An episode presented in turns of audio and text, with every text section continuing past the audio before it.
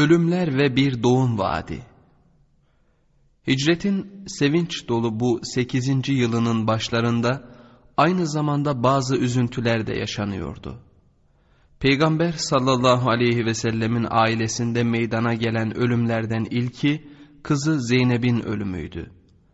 Babası ölürken Zeynep'in yanındaydı. Damadına ve torununa teselli dolu sözler söyledi. Daha sonra Sevde ve Ümmü Seleme ile birlikte Ümmü Eymen'e cesedi gömülmeye hazır hale getirmelerini söyledi. Ölüye gusül abdesti aldırdıktan sonra Peygamber sallallahu aleyhi ve sellem içine giydiği bir elbiseyi çıkardı ve onlara cesedi bu kumaşa sarmalarını söyledi. Daha sonra cenaze namazını kıldırdı ve mezarın başında dua etti. Peygamber sallallahu aleyhi ve selleme çocuk doğuran tek karısı Hatice idi. Medineliler Peygamber sallallahu aleyhi ve sellemin Medine'de de bir çocuğunun doğmasını istiyorlardı. Şu anda yaşayan eşleri arasında sadece ikisinin Ümmü Seleme ve Ümmü Habibe kendisinden önceki kocalarından çocukları olmuştu. Her yeni evlilikte Medineliler bir çocuk doğması ümidiyle sevince kapılıyorlar fakat bir müddet sonra tüm sevinçleri yok oluyordu. Çünkü Peygamber sallallahu aleyhi ve sellemin Hatice'den sonra evlendiği hiçbir kadından çocuğu olmamıştı. Fakat kızının ölümünden kısa bir süre sonra onun tekrar baba olacağı ortaya çıktı. Kıpti cariyesi Mariye bir çocuk bekliyordu. Medineliler Peygamber sallallahu aleyhi ve sellemin onu çok sevdiğini bildikleri ve onu sevindirmek istedikleri için zaten Mariye'ye çok iyi davranıyorlardı. Bu haberi duymalarıyla ona besledikleri sevgi ve ilgi iki katına çıktı. Umreden döndükten yaklaşık üç ay sonra Peygamber sallallahu aleyhi ve sellem Suriye sınırındaki kabilelere barışçıl amaçlarla 15 elçi gönderdi. Fakat onların dostça selamlarına ok yağmuru ile cevap verildi. Dövüşmek zorunda kalan elçilerin biri hariç hepsi öldürüldü. Bir tek ölümle sonuçlanan fakat daha büyük politik öneme sahip olan bir olay daha meydana geldi. Peygamber sallallahu aleyhi ve sellem daha önceden Dihye el-Kelbi'yi Kayser'e yazdığı ve cevap alamadığı mektupla birlikte Basra valisine göndermişti. Gassanlı bir kabile başkanı Basra'ya gönderilen ikinci elçinin yolunu kesmiş ve elçiyi öldürmüştü. Çoğunlukla Hristiyan olan Gassanlıların Kayser'in elçisinden yardım isteme riskine rağmen bu tür bir hareket cezasız bırakılamazdı. Peygamber sallallahu aleyhi ve sellem 3000 kişilik bir ordu topladı ve Zeyd radıyallahu anh'ın kumandasında Gassanlılara gönderdi. Eğer Zeyd radıyallahu anh öldürülürse yerine Cafer, o öldürülürse Abdullah İbni Revaha geçecekti. Üçü de öldürülürse ordu kumandanını kendi seçecekti. Daha sonra Peygamber sallallahu aleyhi ve sellem Zeyd'e beyaz bir sancak verdi ve diğer arkadaşlarıyla birlikte orduyu Uhud'un kuzeyindeki iki tepe arasındaki veda geçidine kadar yolcu etti. Abdullah'ın yanında velayeti altında olan yetim bir çocuk vardı. Onu Semer'in arkasına bindirmişti. Yol boyunca çocuk Abdullah'ın ordu geri döndüğünde Suriye sınırları içinde kalma isteğini ifade eden mısralar okuduğunu duydu. Bu mısraları duyunca ağladım dedi çocuk. Benim ağladığımı görünce kamçısının ucu ile bana dokundu ve zavallı arkadaşım niye üzülüyorsun? Eğer Allah bana şehitlik nasip eder ben de bu dünyadan meşakkatlerinden, dertlerinden, acılarından ve olaylarından kurtulursam sen semerin üstünde rahat olarak geri döneceksin dedi. Bundan sonra geceleyin yapılan bir molada iki rekat namaz kıldı ve arkasından uzun süre dua etti. Daha sonra beni çağırdı. Ben buradayım, emrindeyim dedim. O inşallah bu şehadettir dedi. Ordu Suriye sınırına geldiğinde sadece tüm kuzey kabilelerinin değil Kayser'in temsilcisinin de birleşip kendilerine karşı savaşacağını duydular. Hep birlikte ordunun yüz bin kişi kadar olduğu söyleniyordu. Tabii ki bunda abartma payı da vardı. Bununla birlikte Zeyd radıyallahu an bir savaş konseyi toplamaya karar verdi.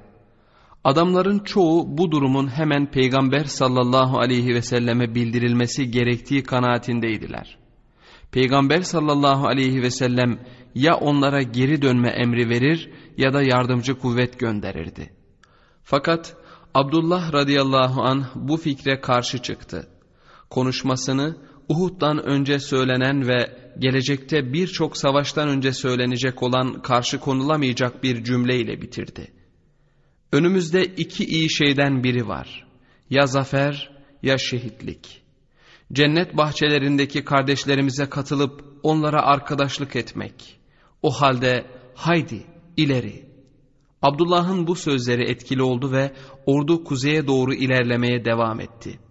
Şimdi uzun ve derin yatağından doğu sınırında yükselen tepelerle ayrılmış olan Ölü Deniz'in güney ucundan çok uzakta değillerdi. Birkaç saatlik yürüyüşten sonra düşmanı gördüler. Bizans kuvvetleriyle birleşmiş olan Arap ordusunun gerçek sayısı ne olursa olsun, Müslümanlar ilk bakışta onların kendilerinden kat kat fazla olduğunu fark ettiler. Sayıca bu kadar dengesiz bir savaş deneyimleri yoktu ve hiçbiri şimdiye kadar imparatorluğun süvarilerinde gördükleri kadar zengin savaş aletleriyle karşılaşmamıştı. Bizans süvarileri ortada, Arap kuvvetleri ise iki yanında yer alıyordu. Bedir'de Akan Kal tepelerinden inen Kureyş ordusunun şimdi gördükleri orduyla karşılaştırıldığında çok az silah ve zırhı vardı. Bunun yanı sıra düşman ordusu onların gelişini bekliyordu ve lejyonlar savaş konumunda onları karşılamaya hazır bekliyorlardı. Arazinin eğimi kendi aleyhlerine olduğu için hemen karşı karşıya gelmekten kaçınan Zeyd radıyallahu an güneye Mute'ye doğru çekilme emri verdi. Orada arazi bakımından avantajlı olacaklardı ve savaş düzenine girme fırsatları olacaktı. Sayıca çok fazla olduklarının farkında olan düşman ordusu, Müslüman ordusunu Mute'ye kadar izledi. Düşman ordusu yaklaştığında onların beklediği gibi geri kaçmak yerine Zeyd radıyallahu an saldırı emri verdi. O anda Peygamber aleyhissalatü vesselam için Medine ile Mute arasındaki uzaklık yok olmuştu. Peygamber sallallahu aleyhi ve sellem beyaz sancağı ile Zeyd'in orduyu nasıl düşmana doğru ilerlettiğini görüyordu onun yere düşene kadar birçok ölümcül yara aldığını, arkasından sancağı Cafer radıyallahu anh'ın alıp onun da şehit olana kadar savaştığını gördü. Daha sonra sancağı Abdullah aldı. Onun yönettiği saldırı düşmanın ölüm saçması ve kendisinin de şehadetiyle sonuçlandı. Adamları düzensiz bir şekilde geri çekildiler.'' Ensardan biri olan Sabit İbni Erkam radıyallahu an sancağı aldı ve Müslümanlar tekrar düzene girdiler. Bunun üzerine Sabit sancağı Halid'e vermek istedi. Fakat Halid radıyallahu an bu şerefe Sabit radıyallahu anh'ın daha çok hakkı olduğunu söyleyerek kabul etmedi. Sabit al şunu ben sadece sana vermek için onu yerden almıştım dedi. Bunun üzerine Halid kumandayı aldı ve safları birbirine yaklaştırdı. Düşman o kadar düzenli yaklaşıyordu ki Müslümanlara düzenli bir saldırı yapmak için arada belli bir mesafe bırakıyordu. Saldırı karşı tarafın zaferiyle sonuçlandı. Fakat bu başardan hiçbir şey elde edemediler. Müslümanlardan ise üç lider dışında sadece beş kişi şehit olmuştu. Bu nedenle bu bir bakıma Halid radıyallahu an için bir zaferdi. Peygamber sallallahu aleyhi ve sellem savaşta Zeyd radıyallahu an, Cafer radıyallahu an ve Abdullah radıyallahu anh'ın arka arkaya şehadetini anlattıktan sonra daha sonra Allah'ın kılıçlarından biri sancağı aldı ve Allah onlar için yolu açtı dedi. Yani Müslümanları güvene kavuşturan yolu açtı demek istiyordu. Bugünden sonra Halide Allah'ın kılıcı adı verildi. Peygamber sallallahu aleyhi ve sellem savaşı anlatırken gözlerinden yaşlar boşanıyordu. Namaz vakti geldiğinde namazı kıldırdı ve her zaman yaptığının aksine topluluğa yüzünü dönmeden mescitten ayrıldı. Akşam ve yatsı namazlarında da aynen böyle yaptı. O sırada Cafer'in evine gitmiş ve ''Ey Esma, bana Cafer'in çocuklarını getir demişti. Yüzündeki ifadeden şüphelenen Esma radıyallahu anha çocukları getirdi. Peygamber sallallahu aleyhi ve sellem onları öptü ve gözleri tekrar yaşlarla doldu. Esma radıyallahu anha, ey Allah'ın Resulü, ey bana anamdan ve babamdan daha sevgili olan, seni ağlatan ne? Yoksa Cafer ve arkadaşlarından haber mi aldın dedi. Evet dedi. Peygamber sallallahu aleyhi ve sellem evine döndü ve birkaç gün süresince Cafer'in ailesine yemek hazırlanmasını emretti. Acıları onları kendi ihtiyaçlarını karşılayamayacak kadar meşgul ediyor dedi. Ümmü Eymen, Üsame ve Zeyd'in ailesinden diğerleri Peygamber sallallahu aleyhi ve sellemin evindeydiler. Onlara daha önceden Zeyd'in ölüm haberini vermişti. Eve dönerken Zeyd radıyallahu anh'ın küçük kızının sokakta ağladığını gördü. Çocuk onu görünce koştu ve kollarına atıldı. Peygamber sallallahu aleyhi ve sellem şimdi kendini tutamayarak ağlıyordu. Çocuğu göğsüne bastırdığında tüm vücudu hıçkırıklarla sarsılıyordu. Sa'd İbni Ubade radıyallahu an o sırada oradan geçiyordu.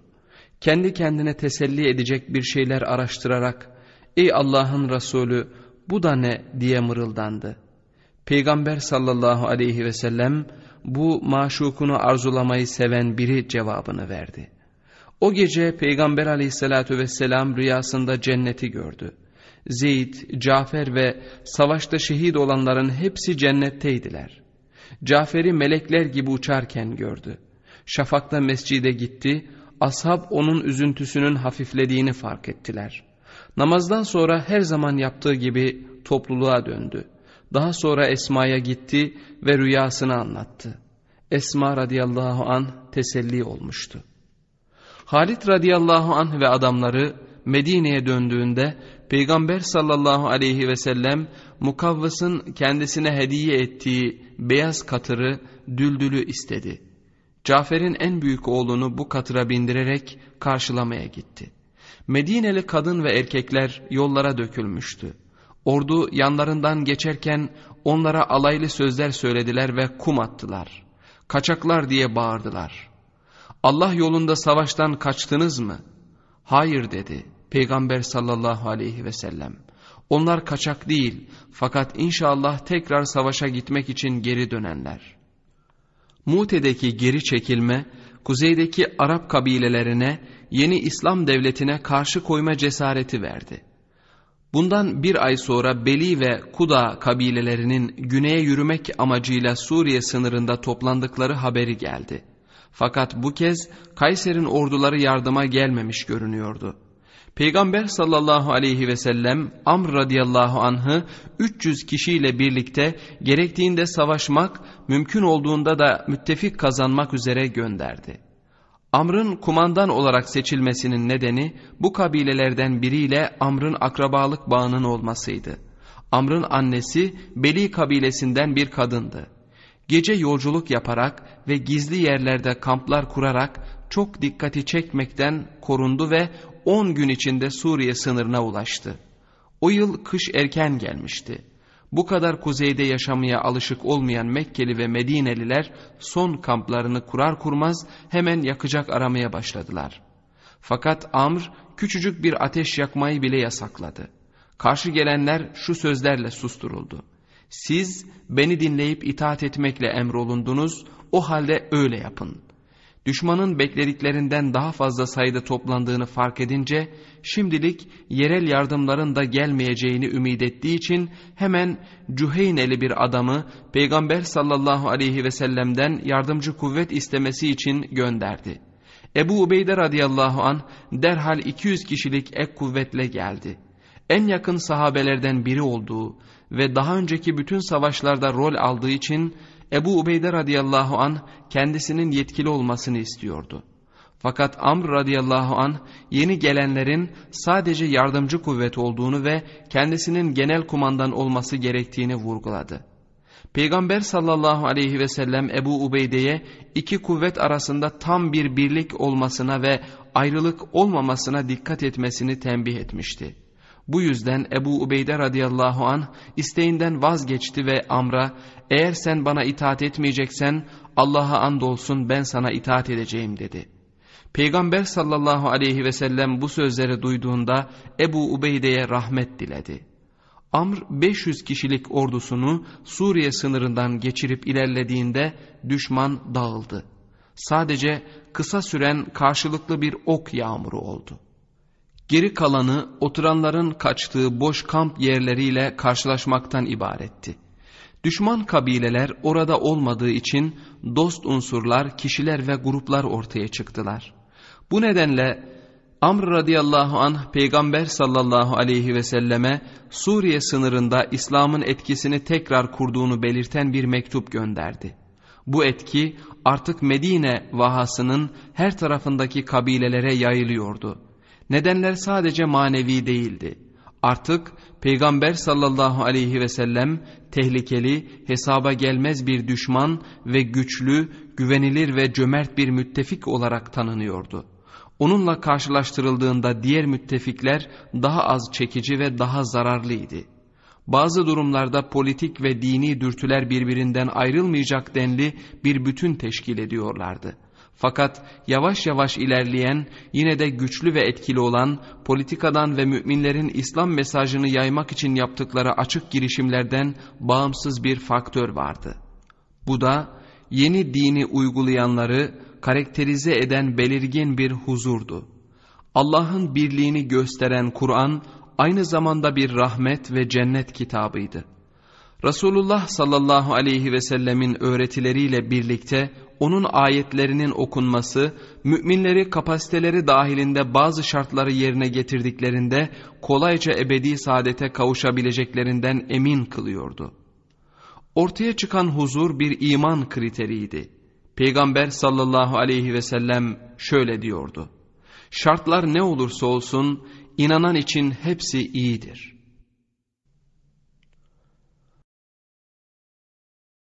Anlaşmanın bozulması Anlaşmaya rağmen Bekir kabilesinden bir grup Huza kabilesiyle aralarında var olan kan davasını sürdürüyordu.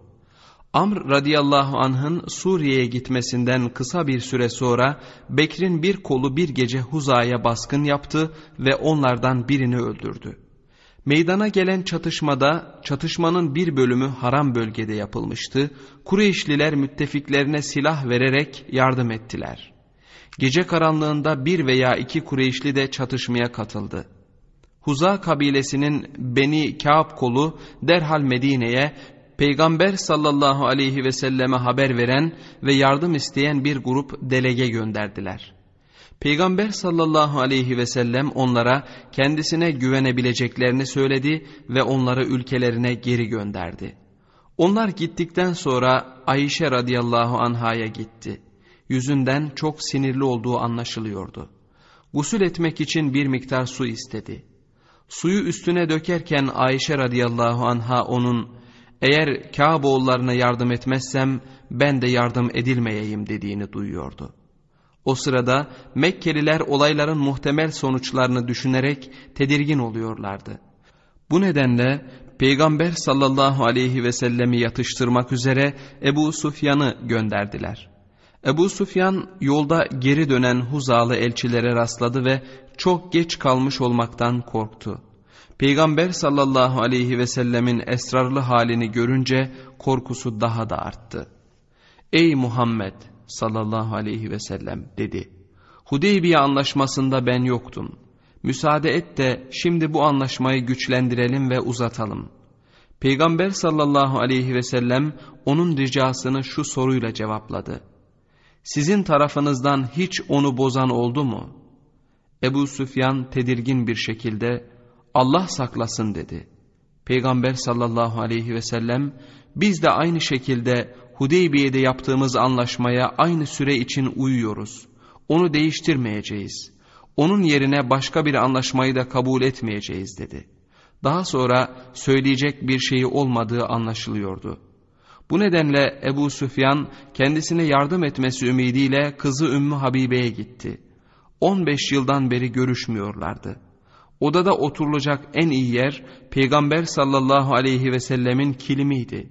Ebu Sufyan orada oturmaya niyetlendiğinde kızı kilimi hemen onun altından çekti. Babası küçük kızım dedi. Bu kilim mi benden daha değerli yoksa ben mi bu kilime oturmayacak kadar değerliyim? Kızı bu peygamber sallallahu aleyhi ve sellemin kilimi. Sen ise bir putperestsin ve temiz değilsin dedi. Daha sonra şunları ekledi. Babacığım sen Kureyş'in büyüğüsün ve onların liderisin. Nasıl oldu da İslam'a girmedin ve nasıl oldu da ne gören ne de duyan taşlara tapıyorsun? Ebu Süfyan Allah Allah dedi. Muhammed'in dinine uymak için atalarımın taptığı şeylerden mi vazgeçeceğim? Kızından hiçbir yardım göremeyeceğini anlayan Ebu Sufyan, anlaşmayı yenilemek için aracı olmalarını istediği Ebu Bekir ve diğer sahabilere gitti. Çünkü peygamber açıkça söylemediği halde o bir önceki çatışma nedeniyle anlaşmanın bozulduğundan artık emindi. Fakat bu aynı zamanda anlaşmanın tekrar yenilenmesine yardım edebilirdi. Yani eğer nüfuzlu bir adam iki grup arasında teker teker genel bir himaye açıklaması yaparsa kan dökülmesine engel olunabilirdi. Ebu Sufyan bu seçeneği Ebu Bekir'e önerdi. Fakat o sadece ben Allah'ın Resulü'nün verdiği himaye sınırları içinde himaye verebilirim dedi. Diğerleri de hemen hemen aynı cevabı verdiler.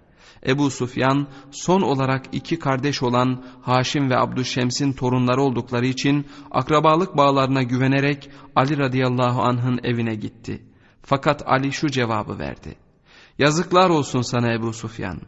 Allah'ın Resulü senin teklifini geri çevirmeye karar verdi.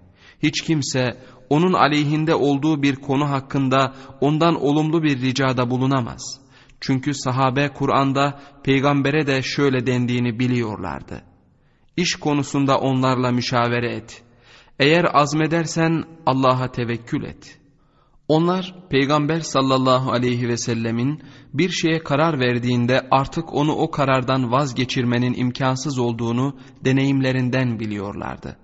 Ebu Sufyan şimdi de kucağında Hasan'la yerde oturan Fatıma'ya dönmüştü. Ey Muhammed sallallahu aleyhi ve sellemin kızı dedi. Küçük oğluna tek tek insanlar arasında himaye kurmasını emret ki sonsuza dek Arapların başkanı olabilirsin. Fakat Fatıma radıyallahu anha çocukların himaye edemeyeceklerini söyledi.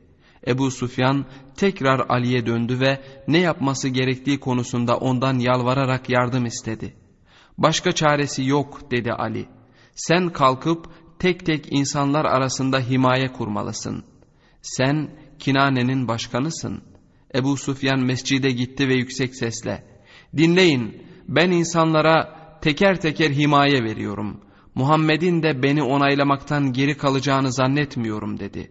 Daha sonra Peygamber sallallahu aleyhi ve selleme gitti ve ey Muhammed benim verdiğim himayeyi reddedeceğini zannetmiyorum dedi. Peygamber sallallahu aleyhi ve sellem sadece şu cevabı verdi. Ey Ebu Sufyan bu senin düşüncen. Bunun üzerine Ümeyye lideri Mekke'ye çok üzgün ve hayal kırıklığı içinde döndü. Peygamber sallallahu aleyhi ve sellem sefer hazırlıklarına başlanmasını emretti. Ebu Bekir radıyallahu an kendisinin de sefere hazırlanmasının gerekip gerekmediğini sordu. Peygamber sallallahu aleyhi ve sellem ona hazırlanması gerektiğini ve Kureyş'e karşı sefere çıkacaklarını söyledi. Ebu Bekir radıyallahu an anlaşma süresinin bitmesini beklememiz gerekmez mi dedi. Peygamber onlar bize ihanet ettiler ve anlaşmayı bozdular dedi. Ben de onların üstüne yürüyeceğim. Fakat sana söylediğim şeyi bir sır olarak sakla. İsteyen Allah'ın Resulü'nün Suriye için hazırlandığını zannetsin.'' İsteyen Taif, isteyen de Havazin üzerine yürüyeceğimi düşünsün. Allah'ım Kureyş'in bizi görmemesini ve yaptığımız hazırlıktan haber almamasını sağla. Böylece onları aniden ülkelerinde bastırabilelim. Bu duasına cevap olarak Allah'tan Hatip adındaki bir muhacirin sırrı öğrendiğini ve uyarmak üzere Kureyş'e bir mektup gönderdiğini bildiren bir haber geldi.'' Hatip mektubu Mekke'ye gitmekte olan Muzeyneli bir kadına vermişti. Kadın mektubu saçlarının arasına saklamıştı. Peygamber sallallahu aleyhi ve sellem Zübeyir ve Ali radıyallahu anhumayı onun arkasından gönderdi. Ali ve Zübeyir mektubu kadının çantasında bulamayınca onu üzerini aramakla tehdit ettiler. Bunun üzerine kadın mektubu verdi. Onlar da Peygamber sallallahu aleyhi ve selleme götürdüler. Peygamber sallallahu aleyhi ve sellem mektubu yazanı yanına çağırdı. Ey Hatip bunu niçin yaptın diye sordu. Hatip ey Allah'ın Resulü ben gerçekten Allah'a ve Resulüne inanıyorum. Ben ne imanımı değiştirdim ne de onun yerine gönlüme bir şey yerleşti. Fakat ben Mekke'de nüfuzu ve güçlü akrabaları olmayan bir adamım. Onların arasında yaşayan oğlum ve ailem için onların desteğini kazanmak istedim dedi. Ömer radıyallahu anh, ey Allah'ın Resulü bırak da kafasını uçurayım, bu adam bir münafık dedi. Peygamber sallallahu aleyhi ve sellem ona, ey Ömer Allah'ın Bedir Savaşı'na katılanlara bakıp da ne isterseniz yapın çünkü sizi affettim demediğini ne biliyorsunuz dedi. Peygamber sallallahu aleyhi ve sellem yardımlarına güvenebileceği bazı kabilelere de gelecek ayın yani Ramazan'ın başında Medine'de bulunmalarını haber veren elçiler gönderdi. Bedeviler bu isteğe samimice karşılık verdiler. Kararlaştırılan gün geldiğinde o zamana kadar Medine'den yola çıkan en büyük ordu meydana geldi. Hiçbir sağlıklı Müslüman geride kalmamıştı. Muhacirler 700 kişiydiler ve 300 atları vardı. Ensar ise 4000 kişiydi ve 500 atları vardı. Yola çıktıktan sonra orduya katılan kabilelerle birlikte toplam 10 bin kişi oluyorlardı. Atlılar develerle yolculuk ettiler ve atlarını yedeklerinde götürdüler. Sahabeden çok yakın olan birkaç kişi hariç hiç kimse düşmanın kim olduğunu bilmiyordu. Yarı yola geldiklerinde Abbas, Ümbül Fazıl ve oğullarıyla karşılaştılar. Abbas radıyallahu anh artık Mekke'den ayrılıp Medine'de yaşamaya başlama zamanının geldiğine karar vermişti. Peygamber sallallahu aleyhi ve sellem onlara da sefere katılmalarını teklif etti. Onların bu teklifi kabul etmesi en çok peygamberle birlikte gelen Meymune'yi sevindirmişti. Ümmü Seleme radıyallahu anh de peygamber sallallahu aleyhi ve sellemle birlikteydi. Verdikleri molalardan birinde ona iki Kureyşlinin onu görmek istediği söylendi. Onlar da biri üvey kardeşi yani babasıyla peygamber sallallahu aleyhi ve sellemin halası Atik'in oğlu Abdullah idi. Diğeri ise peygamberin en büyük amacı Haris'in oğlu şair Ebu Süfyan idi. Bir zamanlar Halime onu da emzirmişti. Ebu Süfyan yanında küçük oğlu Cafer'i de getirmişti.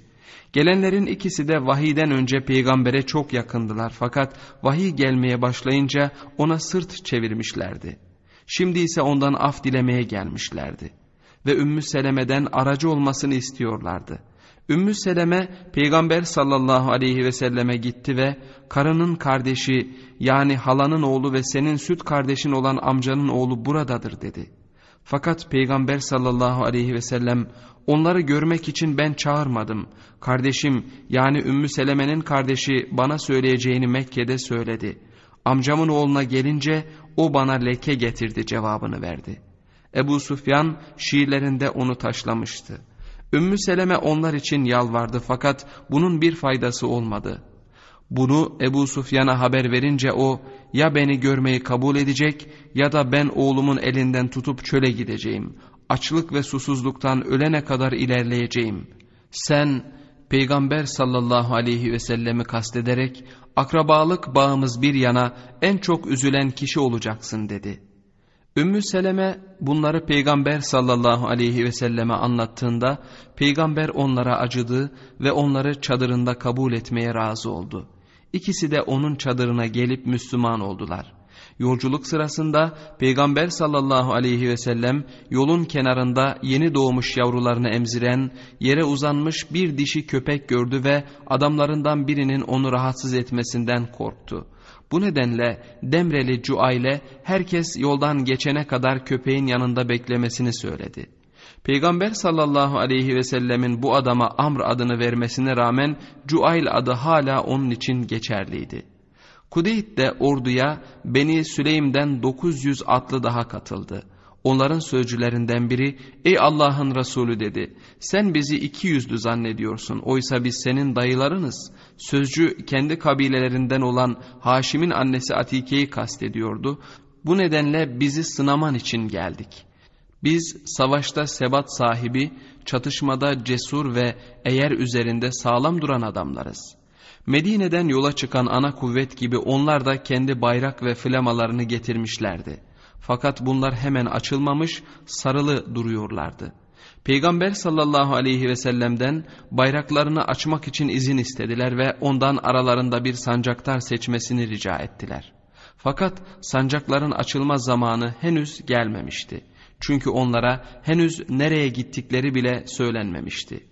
Yola çıkarken Peygamber aleyhissalatü vesselam bir adam göndererek tüm orduya şu ilanı vermesini emretmişti. Kim orucunu tutmak isterse bırakın tutsun. Kim de orucunu açmak isterse bırakın açsın. Ramazanda yolculuk söz konusu olduğunda Ramazandan sonra tutmak şartıyla oruç açma izni verilmişti. Peygamber ve çoğu kişi haram bölgeye yaklaşıncaya kadar oruçlarını bozmadılar. Yaklaştıkları zaman Peygamber sallallahu aleyhi ve sellem oruç açma emri verdi. Mer ez Zehran'da konakladıkları zaman oruç bozma sebeplerinin düşmana karşı güçlü olmak olduğunu orduya açıkladı. Bu iftar edilen yer konusunda birçok kişinin kafasında merak uyandırdı. Mer ez Zehran'dan Mekke'ye bir günde uzun yolculuk yaparak veya kolayca iki günde ulaşılabilirdi. Fakat anlaşmaya bakıldığında Kureyş'e karşı saldırıya geçmeleri imkansız görünüyordu. Kamp kurdukları yer aynı zamanda düşman Havazin kabilelerinin yerleşim bölgesine giden yol üzerindeydi. Yoksa Peygamber sallallahu aleyhi ve sellem Hicaz'ın kuzeyindeki bostanına sahip olduktan sonra şimdi de Güney bostanını Lat'ın tapınak merkezi olan Taif'i mi ele geçirmek istiyordu? Düşman kim sorusunun ağızdan ağza dolaştığını duyan Kâb İbni Malik gönüllü olarak peygambere gidip düşmanın kim olduğunu sormaya karar verdi. Fakat ona doğrudan sormaktan çekindiği için çadırın önünde oturan peygamber sallallahu aleyhi ve selleme gitti. Onun yanına diz çökerek bu sefer için yazdığı birkaç beyti okudu. Bu beyitlerde adamların kılıçlarını çekme noktasına geldiklerinde kendi aralarında düşmanın kim olduğunu soruşturduklarına ve eğer kılıçların dili olsa onların da aynı soruyu soracaklarına değiniliyordu. Fakat Peygamber sallallahu aleyhi ve sellemin cevabı gülümseme oldu ve Kâb hiçbir şey elde edemeden adamların yanına döndü. Onların karşılaşacakları şeyi arzulamaları, Kureyş'in ve Havazi'nin aynı soruya cevap araştırmalarıyla karşılaştırıldığında sadece kuru bir meraktan öteye gitmiyordu. Büyük Havazin kabilesi Necd çölünün güney ucundaki tepeliklere yayılmış bir kabileydi. Taif de bu tepelerden birinin üzerindeydi. Taif'te yaşayan ve oradaki tapınağı koruyan Sakifliler Havazin kabilesine Yesrib'den 10 bin kişilik bir ordunun yola çıktığını ve her ihtimale karşı hazır olmaları gerektiğini haber vermişlerdi. Havazin boylarının çoğu bu habere cevap verdi ve Taif'in kuzeyindeki avantajlı bir bölgeye asker yığmaya başladılar. Kureyşliler ise Mekke'den çok Taif'in tehlikede olduğunu düşünmeyi tercih etmelerine rağmen anlaşmayı bozduklarının farkındaydılar. Peygamber sallallahu aleyhi ve sellemin anlaşmayı reddetmesiyle birlikte bu onları hemen hemen ümitsizlik noktasına getirdi. Peygamber sallallahu aleyhi ve sellem bunun farkındaydı. Bu nedenle onların korkusunu daha da artırmak için karanlık bastırdığında herkesin dağılmasını ve birer ateş yakmasını emretti. Mescid-i Haram civarında on bin kamp ateşinin yandığı görülüyordu. Muhammed sallallahu aleyhi ve sellemin ordusunun korktuklarından daha büyük olduğunu bildiren haberler Mekke'ye ulaştı. Acele bir meclis toplantısından sonra Kureyşliler Ebu Sufyan'ın tekrar Peygamber sallallahu aleyhi ve sellemle görüşmek teklifini kabul ettiler. Onunla birlikte Bedir savaşını durdurmak için elinden geleni yapan Hatice'nin yeğeni Hakim ve Hudeybiye'de Peygamber sallallahu aleyhi ve selleme yardım eden ve anlaşmanın bozulmasından sonra kabilesinden bazı adamlarla birlikte Medine'ye giden Huzalı Hudeyl de gittiler.'' Kampa yaklaştıklarında beyaz bir katırın üstünde kendilerini karşılamaya gelen bir adam gördüler. Bu adam yolda Mekke'ye mesaj gönderebileceği bir adam bulabileceği ümidiyle kamptan ayrılan Abbas'tı. Ona göre Kureyşliler çok geç kalmadan peygambere bir delege göndermeliydiler. Birbirlerini fark ettiklerinde selamlaştılar. Abbas onları peygamberin çadırına götürdü. Ebu Sufyan, ''Ey Muhammed!'' sallallahu aleyhi ve sellem dedi. Sen akrabalarına karşı bir kısmı tanınan, bir kısmı tanınmayan bir sürü insanla geldin. Peygamber sallallahu aleyhi ve sellem onun sözünü keserek, ihanet eden sizsiniz. Hudeybiye anlaşmasını siz bozdunuz. Beni Kabe'da saldırdınız. Böylece Allah'ın haram bölgesine ve mescidine tecavüz ettiniz dedi. Ebu Sufyan konuyu değiştirmeye çalıştı ve sen asıl kızgınlık ve stratejini havazine yöneltmeliydin. Çünkü onlar sana akrabalık yönünden uzak ve düşmanlıkta daha aşırıdırlar dedi. Ümid ederim ki dedi Peygamber sallallahu aleyhi ve sellem Rabbim bana bunların hepsini lütfedecek. Mekke'nin fethini, orada İslam'ın zaferini ve Havazi'nin bozgununu, yine ümid ederim ki onların ailelerini esirler ve mallarını da ganimet olarak bahşedecek. Daha sonra o üç adama dönerek Allah'tan başka ilah olmadığına ve benim Allah'ın Resulü olduğuma şehadet edin dedi. Bunun üzerine Hakim ve Hudeyl hemen Müslüman oldular. Fakat Ebu Sufyan sadece Allah'tan başka ilah yoktur dedi ve sustu. Şehadetin ikinci bölümünü de tekrarlaması söylendiğinde Ey Muhammed! Nefsimde bununla ilgili hala bir tereddüt var. Ona biraz mühlet ver dedi. Bunun üzerine Peygamber sallallahu aleyhi ve sellem amcasına onları kendi çadırına götürmesini söyledi. Şafakta kampta sabah ezanı okunuyordu. Ebu Sufyan bu sesi duyunca şaşırmıştı. Bu da nesi dedi Ebu Sufyan. Abbas namaz dedi. Ebu Sufyan günde kaç defa namaz kılıyorlar diye sordu. Beş defa olduğunu öğrenince Tanrım bu çok fazla dedi. Daha sonra adamların Peygamber sallallahu aleyhi ve sellemin abdest suyundan bir damla alabilmek için itişip kakıştıklarını gördü. Ey fazlın babası buna benzer bir bağlılık görmedim dedi. Abbas radıyallahu an yazıklar olsun imana gel dedi. Ebu Süfyan beni ona götür dedi. Namazdan sonra Abbas onu tekrar Peygamber sallallahu aleyhi ve selleme götürdü ve Ebu Sufyan orada kelime-i şehadetin tamamını söyledi. Abbas radıyallahu anh Peygamber sallallahu aleyhi ve sellemi kenara çekerek Ey Allah'ın Resulü Ebu Sufyan'ın şeref ve ihtişama nedenli önem verdiğini bilirsin. Bu yüzden ona bir şeyler lütfet dedi. Peki diyen Peygamber sallallahu aleyhi ve sellem Ümeyyeli liderin yanına gitti ve onun Kureyş'e döndüğünde şöyle demesini söyledi. Kim Ebu Süfyan'ın evine girerse güvenliktedir. Kim kendi kapısını kilitleyip içeride kalırsa güvenliktedir. Ve kim mescide girerse güvenliktedir. Mekke'nin fethi Çadırlar develere yüklendikten sonra Peygamber sallallahu aleyhi ve sellem bayrak ve sancakların kendisine getirilmesini istedi.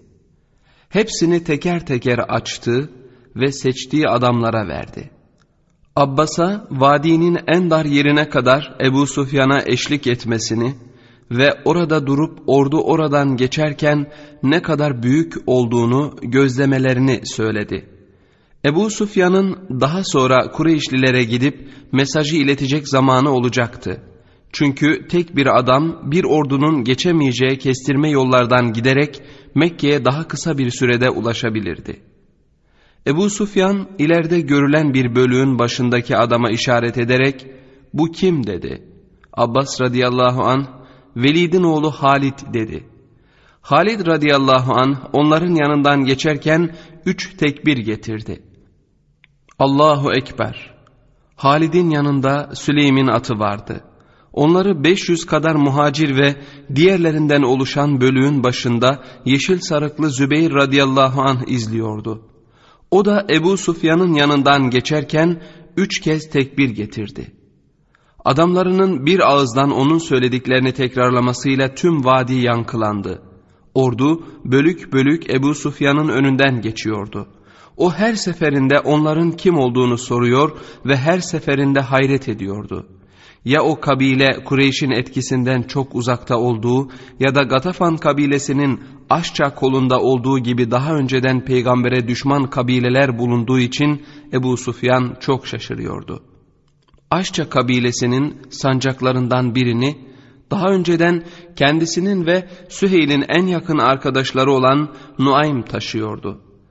Ebu Sufyan, Araplar içinde bunlar Muhammed sallallahu aleyhi ve sellemin en azılı düşmanlarıydı dedi. Abbas radıyallahu anh ona şu cevabı verdi. Allah onların kalbine İslam'ı soktu. Bütün bunların hepsi Allah'ın lütfu. En son geçen bölüklerden biri de Peygamber sallallahu aleyhi ve sellemin sadece muhacirlerden ve ensardan oluşan kendi bölüğüydü. Üzerlerindeki çeliklerin parıltısı onlara gri siyah bir görünüm veriyordu. Çünkü hepsi tepeden tırnağa zırh giymişlerdi ve sadece gözler görülebiliyordu. Peygamber sallallahu aleyhi ve sellem kendi sancağını keşif koluna liderlik eden Sa'd İbni Ubade'ye vermişti. Sa'd radıyallahu an yolun kenarındaki iki adamın yanından geçerken ''Ey Ebu Sufyan bu ölüm günüdür. Bugün kutsal olanın ihlal edildiği gündür. Bugün Allah'ın Kureyş'i alçalttığı gündür. Bugün Allah'ın Kureyş'i alçalttığı gündür.'' diye bağırdı. Peygamber sallallahu aleyhi ve sellem Kesva'nın üstünde bölüğün ortalarındaydı. İki tarafında Ebu Bekir ve Useyd radıyallahu anhuma vardı. Peygamber sallallahu aleyhi ve sellem onlarla konuşurken Ebu Sufyan duyulabilecek şekilde ''Ey Allah'ın Resulü'' diye bağırdı. ''Sen halkının öldürülmesini mi emrettin?'' Daha sonra ona Sad'ın söylediklerini anlattı. Allah aşkına senden halkın adına rica ediyorum. Çünkü sen insanlar arasında en merhametli, en bağışlayıcı ve soyuna en çok acıyansın dedi. Peygamber sallallahu aleyhi ve sellem bugün merhamet günüdür. Allah'ın Kureyş'i yücelttiği gündür dedi. Daha sonra Abdurrahman İbni Avf radıyallahu anh ve Osman radıyallahu anh yakınında oldukları için ona ''Ey Allah'ın Resulü biz Sa'd'ın Kureyş'e ani bir saldırıda bulunmayacağından emin olamayız dediler. Bunun üzerine Peygamber sallallahu aleyhi ve sellem Sa'da sancağı ve bölüğün kumandasını daha yumuşak tabiatlı olan Kays'a bırakmasını bildiren bir haber gönderdi ve Kays'ın elinde olan sancak yine de Sa'd'la birlikte olacaktı. Fakat Sa'd radıyallahu an Peygamber sallallahu aleyhi ve sellem'den doğrudan bir emir almadan sancağı devretmeyi kabul etmedi. Bunun üzerine Peygamber sallallahu aleyhi ve sellem miğferinin üstüne sardığı kırmızı sarığı çıkardı ve bunu Sa'da bir işaret olarak gönderdi. Sa'd hemen sancağı Kays'a verdi. Tüm ordu geçtikten sonra Ebu Sufyan süratle Mekke'ye gitti ve evinin dışında ayakta durup toplanan kalabalığa bağırdı. Ey Kureyşliler! Muhammed sallallahu aleyhi ve sellem karşı koyamayacağınız bir güçle burada. Muhammed sallallahu aleyhi ve sellem on bin zırhlı adamla burada. O bana benim evime sığınanın güvenlikte olacağını söyledi. Hint evden çıktı ve kocasının sakalından tutup bu hiçbir işe yaramaz. İçi boş yağ tulumunu öldürün. Zavallı koruyucu diye bağırdı. Ebu Süfyan yazıklar olsun sana dedi. Bu kadının sizi iyi bir muhakemeye karar kılmanızdan alıkoymasına izin vermeyin. Çünkü sizin karşınızda karşı koyamayacağınız bir güç var. Fakat Ebu Sufyan'ın evine girenler güvenlikte olacak. Onlar Allah seni kahretsin, hepimizi senin evin alır mı dedi. Ebu Sufyan kim evinin kapısını kilitlerse güvenlikte olacak. Kim mescide sığınırsa güvenlikte olacak cevabını verdi. Bunun üzerine tüm kalabalık dağıldı. Kimi kendi evine, kimileri de mescide gittiler. Ordu şehirden fazla uzak olmayan ve oradan görülebilen Zu Tuva'da kamp kurdu. Burası iki yıl önce Halid'in Müslümanların yaklaşmasını önlemek için mevzilendiği yerdi. Fakat şimdi hiçbir direnişle karşılaşmıyorlardı. Sanki şehir bir önceki yıl Umre'ye geldiklerindeki gibi bomboştu. Fakat bu sefer üç gün kalma diye bir sınırlama yoktu. Kesva bir yere geldiğinde Peygamber sallallahu aleyhi ve sellem Allah'ı tazim için başını öne doğru eğdi. Neredeyse sakalı semere değiyordu. Daha sonra bölüklerin sağ kolunu Halid radıyallahu anh'ın, sol kolunu da Zübeyir radıyallahu anh'ın kumandasına vererek düzenledi. Merkezde olan kendi bölüğünü de ikiye ayırdı. Yarısına Sa'd radıyallahu anh ve oğlu, diğer yarıya da Ebu Ubeyde radıyallahu anh kumanda ediyordu. Emir verildiğinde bu dört bölük şehrin dört ayrı tarafından içeri gireceklerdi. Halid radıyallahu an aşağıdan diğerleri de tepelerdeki üç ayrı geçitten. Ordunun toplandığı yerin çok yukarılarında Ebu Kubeys tepesinde keskin bir gözün bastonlu bir ihtiyarla bir kadın olduğunu fark edebilecek iki silüet vardı. Bunlar Ebu Bekir radıyallahu anh'ın babası Ebu Kuhafe ile kız kardeşi Kureybe'ydi. O sabah peygamberin Zutuva'ya vardığı haberi gelince yaşlı ve kör adam kızına kendisini Ebu Kubeys tepesine götürmesini ve oradan gördüklerini anlatmasını istemişti. Bu ihtiyar genç ve cesur bir adamken Ebrehe'nin ordusunu ve filini görmek için Mekke'nin diğer tarafındaki tepelere çıkmıştı. Şimdi ise yaşlıydı ve yıllardan beri kördü. Fakat oğlunun ve torununun da içinde bulunduğu bu on bin kişilik orduyu kızının gözleriyle izleyebilirdi. Kureybe görebildiklerini kara ve yoğun bir kitle olarak tarif etti. Babası bunların emir için bekleyen birbirine yaklaşmış atlılar olduğunu söyledi. Daha sonra Kureybe bu kitlenin dörde ayrıldığını gördü. Bunu babasına söylediğinde babası hızla eve gitmeleri gerektiğini söyledi. Yollarına devam ederken yanlarından atlı bir bölük geçti. Askerlerden biri atından eğilip Kureybe'nin gümüş kolyesini çekip aldı. Bunun dışında başka bir saldırıya uğramadılar ve sağ salim evlerine döndüler. Onlar Ebu Kubays'ta yalnız değillerdi. Tepelerden birinde İkrime, Safvan ve Süheyl, Kureyş'ten ve müttefikleri Bekr ve Hudayl kabilelerinden bir grup asker toplamışlardı. Dövüşmeye kararlıydılar. Halid'in aşağı taraftan şehre girmek için yaklaştığını görünce onlara saldırdılar.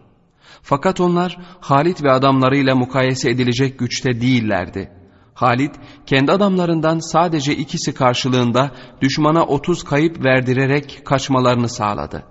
İkrime ve Safvan at üstünde sahile doğru kaçtılar. Süheyl ise evine gitti ve kapıyı kilitledi. Peygamber sallallahu aleyhi ve sellem yukarı Mekke'deki Ezakir geçidinden şehre girdiğinde çatışma hemen hemen sona ermişti. Pazar yerinden aşağılara bakıp çekilmiş kılıçları görünce Peygamber sallallahu aleyhi ve sellem dehşete kapıldı. Size dövüşü yasaklamamış mıydım dedi.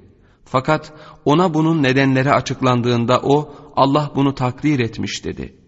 Ebu Rafi Peygamber sallallahu aleyhi ve sellemin kırmızı deriden çadırını mescidin yakınına kurmuştu. Peygamber sallallahu aleyhi ve sellem bunu yanındaki Cabir'e işaret ederek gösterdi. Şükür ve hamd ile dua ettikten sonra aşağıya doğru ilerledi. Hiçbir eve girmeyeceğim dedi. Ümmü Seleme, Meymune, Fatıma onu çadırda bekliyorlardı. O gelmeden kısa bir süre önce Ümmü Hani de onlara katılmıştı. İslam hukuku Müslüman kadınlarla müşrik erkekler arasındaki nikahın düştüğünü söylüyordu. Aynı şey Ümmü Hani'nin Hubeyre Mekke'nin fethedileceğini daha önceden anlamış ve Necran'da yaşamaya gitmişti. Ümmü Hani'nin kocası tarafından iki akrabası, biri Ebu Cehil'in kardeşiydi, Halid'e karşı yapılan savaşta rol almışlar ve daha sonra sığınmak için onun evine gelmişlerdi. Daha sonra Ali radıyallahu anh onu selamlamak için eve geldiğinde iki mahzumiyi gördü. Peygamber sallallahu aleyhi ve sellemin yasağına rağmen kızgınlıkla onları öldürmeye teşebbüs etti. Fakat Ümmühani onların üstüne bir yaygı örttü ve onlarla Ali'nin arasına girerek vallahi önce beni öldüreceksin dedi. Bunun üzerine Ali radıyallahu an evi terk etti. Ümmühani kapıyı onların üstünden kilitleyip Peygamber sallallahu aleyhi ve sellemi karşılamaya gitti. Çadırda Fatıma'ya rastladığında Fatıma radıyallahu anha da Ali gibi ona çıkıştı. Putperestleri himaye mi ediyorsun dedi.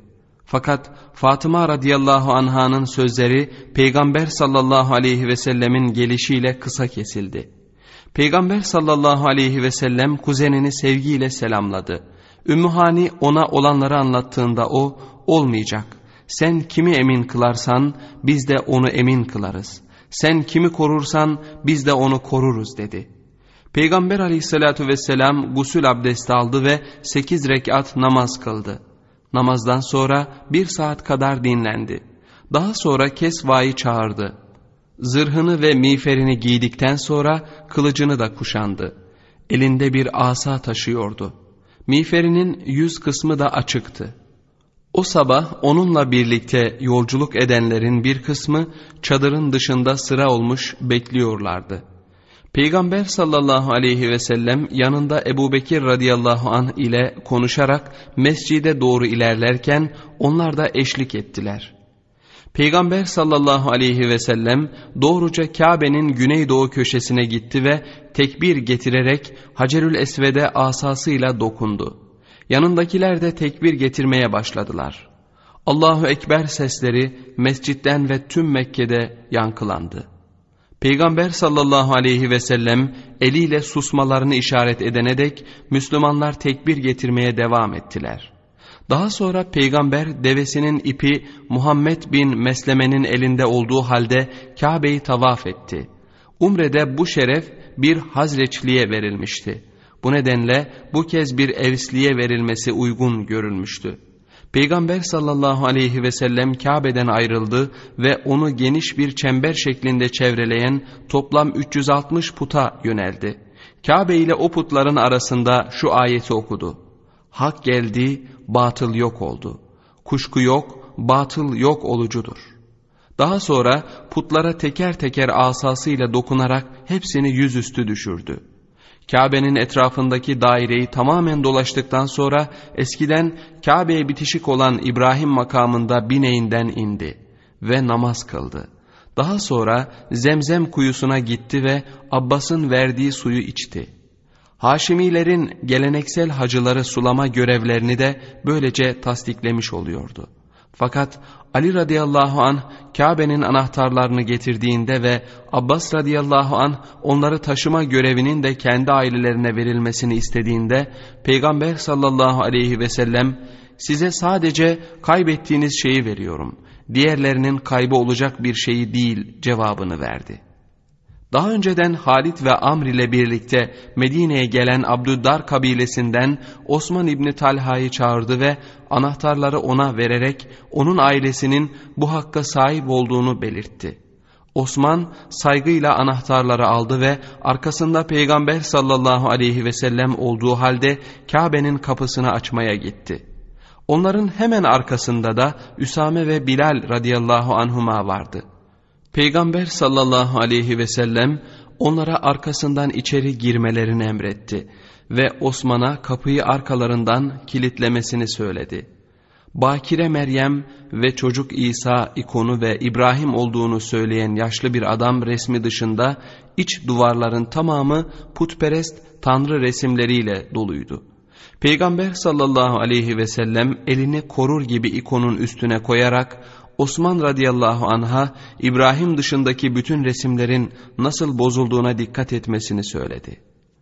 Bir süre içeride kaldı. Sonra anahtarı Osman'dan alarak kapıyı açtı. Anahtar elinde olduğu halde kapının önünde ayakta durdu ve vadinde duran, koluna yardım eden ve kabileleri bir araya getiren bir olan Allah'a hamdolsun dedi.'' Mescide sığınan Mekkelilere daha önceden evlerine sığınan birçok kişi katılıyordu. Hepsi Kabe'nin yakınında orada burada oturuyorlardı. Peygamber sallallahu aleyhi ve sellem hitap ederek ne diyorsunuz ve ne düşünüyorsunuz dedi. Onlar şu cevabı verdiler. İyi söylüyoruz ve iyi düşünüyoruz. Soylu ve cömert bir kardeş, soylu ve cömert bir kardeşin oğlu. Emir senindir. Bunun üzerine Peygamber sallallahu aleyhi ve sellem onlara Mısır'da kardeşleri kendisine geldiğinde Yusuf'un söylediği sözleri tekrarladı. Ben kardeşim Yusuf'un söylediklerini söylüyorum. Bugün size karşı sorgulama, kınama yoktur. Sizi Allah bağışlasın. O merhametlilerin en merhametlisidir. Ebu Bekir radıyallahu an babasını ziyaret etmek için mescitten ayrılmıştı. Şimdi ise Ebu Kuhafe'nin elinden tutmuş mescide giriyordu. Kız kardeşi Kureybe de onların arkasındaydı. Peygamber sallallahu aleyhi ve sellem neden yaşlı adamı evinde bırakmadın ben oraya giderdim dedi. Ey Allah'ın Resulü dedi Ebu Bekir radıyallahu anh. Onun sana gelmesi senin ona gitmenden daha uygundur. Peygamber aleyhissalatü vesselam yaşlı adamın elinden tuttu ve önüne oturttu. Sonra ona kelime-i şehadet getirmesini söyledi. O da hemen onun sözlerini tekrarlayarak Müslüman oldu. Düşürülen putların en büyüğü olan Hubel'in parça parça edilip sonra da yakılmasını emrettikten sonra Peygamber aleyhissalatü vesselam evinde bir putu olan herkesin o putu tahrip etmesini istedi. Daha sonra ailesini ilk İslam'a davet ettiği yer olan Safa tepesine çekildi. Orada daha önceden kendisine düşman olan, şimdi ise Müslüman olup ona biat etmek isteyen kadınlı erkekli bir grupla karşılaştı. Yüzlerce kişi vardı. Müslüman olduğunu açıklamadan önce peygamberin kendisine ölüm cezasını vermesinden korkan Hint tanınmamak için peçe takmıştı. Ey Allah'ın Resulü! Benim kendim için seçtiğim dini muzaffer kılan Allah'a hamdolsun dedi. Daha sonra peçesini çıkardı ve Utbe'nin kızı Hint dedi. Peygamber sallallahu aleyhi ve sellem de ona hoş geldin dedi. Safa'ya gelen kadınlardan biri de İkrime'nin karısı Ümmü Hakim idi. Müslüman olduktan sonra kocası için dokunulmazlık istedi. İkrime hala onunla savaş halinde olduğu halde Peygamber sallallahu aleyhi ve sellem ona dokunulmazlık hakkı verdi. Ümmü Hakim kocasının nerede olduğunu öğrendi ve onu geri getirmek için gitti. Peygamber sallallahu aleyhi ve sellem önünde toplanan kalabalığı süzdü ve amcasına dönerek ''Ey Abbas kardeşinin iki oğlu Utbe ve Muattib neredeler? Onları göremiyorum.'' dedi. Bunlar Ebu Leheb'in yaşayan iki oğluydu. Babasının zoruyla Rukiye'yi boşayan Utbe'ydi ve görünüşe göre şimdi ortaya çıkmaktan korkuyordu. Peygamber sallallahu aleyhi ve sellem onları bana getir dedi. Bunun üzerine Abbas radıyallahu an yeğenlerini getirdi. İkisi de Müslüman oldular ve biat ettiler. Daha sonra ikisinin de ellerinden tutup ikisinin arasında yürüyerek onları El Mültezem denilen ve Kabe'nin Hacerül Esved'le kapısı arasında duvarı meydana getiren kutsal yere götürdü. Orada uzun uzun dua etti. Yüzünden sevinç okunuyordu. Merak eden Abbas sordu. O da Rabbimden bu iki amca oğlunu istedim, o da verdi dedi. En önemli üç put merkezinden Mekke'ye en yakın olanı Mahle'deki El-Uzza tapınağı idi. Peygamber sallallahu aleyhi ve sellem Halid radıyallahu anh'ı bu putperestlik merkezini yok etmek üzere gönderdi. Onun yaklaştığı haberi duyulunca tapınağın bekçisi kılıcını tanrıça heykeline astı ve cansız heykeli kendi kendisini koruyan Halid'i öldürmeye veya tek tanrıya inanmaya davet etti. Halid radıyallahu an tapınağı ve putları yıktı ve Mekke'ye döndü. Peygamber sallallahu aleyhi ve sellem ona hiçbir şey görmedin mi diye sordu. Hiçbir şey cevabını verdi Halid. Peygamber sallallahu aleyhi ve sellem o halde onu yok etmedin dedi. Geri dön ve onu yok et. Bunun üzerine Halid radıyallahu an tekrar Nahle'ye gitti. Tapınağın harabeleri arasından uzun ve savrulan saçlarıyla çırılçıplak bir kadın çıktı. Halid radıyallahu an daha sonraları omurgam titreyerek sarsılmıştı derdi. Yine de Uzza ibadet değil inkar senin içindir diye bağırdı. Kılıcını çekip kadının üstüne indirdi. Döndüğünde peygamberle şöyle konuştu. Bizi mahvolmaktan kurtaran Allah'a hamdolsun. Yüz kadar koyun ve deveyle birlikte babamın el uzaya gitmesine alışmıştım. Onları Uzza için kurban eder, orada üç gün kalır ve yaptıklarıyla onu sevindirerek bizim tarafımıza çevirdiğini sanırdı. O sırada Mekkelilerin çoğu biat etmişlerdi. Süheyl ise biat etmemiş fakat evine sığınıp oğlu Abdullah'tan Peygamber sallallahu aleyhi ve selleme kendi adına gidip rica etmesini istemişti. Çünkü kimsenin öldürülmeyeceği ilan edilmiş olmasına rağmen Süheyl kendisinin bu kapsamın dışında yer aldığını sanıyordu. Abdullah radıyallahu an peygamberle konuştuğunda peygamber sallallahu aleyhi ve sellem o güvenliktedir ve Allah'ın himayesindedir. Bırakın ortaya çıksın dedi. Sonra etrafındakilere dönerek karşılaştığınızda Süheyl'e kem gözle bakmayın. Bırakın serbestçe dolaşsın çünkü hayatıma andolsun o akıllı ve şerefli bir adamdır. İslam gerçeğine karşı kör biri değildir dedi. Böylece Süheyl istediği şekilde gezdi. Fakat henüz İslam'a girmemişti. Safvan'a gelince kuzeni Umeyr onun için peygamberden iki aylık bir müddet aldı ve onu bulmak için yola koyuldu. Onu o zamanlar Mekke'nin bir limanı olan Şuaybe'de gemi beklerken buldu. Safvan şüphe içindeydi ve planlarını değiştirmeyi reddediyordu. Bunun üzerine Umeyr tekrar Peygamber sallallahu aleyhi ve sellemin yanına döndü. Peygamber sallallahu aleyhi ve sellem de ona kuzeninin güvenlikte olduğunun bir işareti olarak çizgili Yemen kuşağından sarığını verdi. Bu Safvan'ı ikna etmeye yetti fakat o daha fazla emin olmak istiyordu. Ey Muhammed sallallahu aleyhi ve sellem dedi. Umeyr bana belli bir şeyde karar kılarsam Müslüman olmayı kastediyordu. Güvenlikte olacağımı eğer kabul etmezsem bana iki ay mühlet verdiğini söyledi. Peygamber sallallahu aleyhi ve sellem burada kal dedi. Fakat Safvan bana açık bir cevap vermedikçe kalmam dedi. Bunun üzerine peygamber senin için dört aylık mühlet var dedi. Safvan da Mekke'de kalmayı kabul etti.'' İkrime bu üç kişi içinden Peygamber sallallahu aleyhi ve sellemin huzuruna gelen sonuncu kişiydi. Fakat onlar arasından Müslüman olan ilk kişi de oydu. Tihame sahilinden Habeşistan'a giden bir gemiye binmeye karar vermişti. Tam gemiye binecekken geminin kaptanı Allah ile aranda olan dini düzelt dedi. İkrime ne demeliyim deyince o Allah'tan başka ilah yoktur de cevabını verdi.''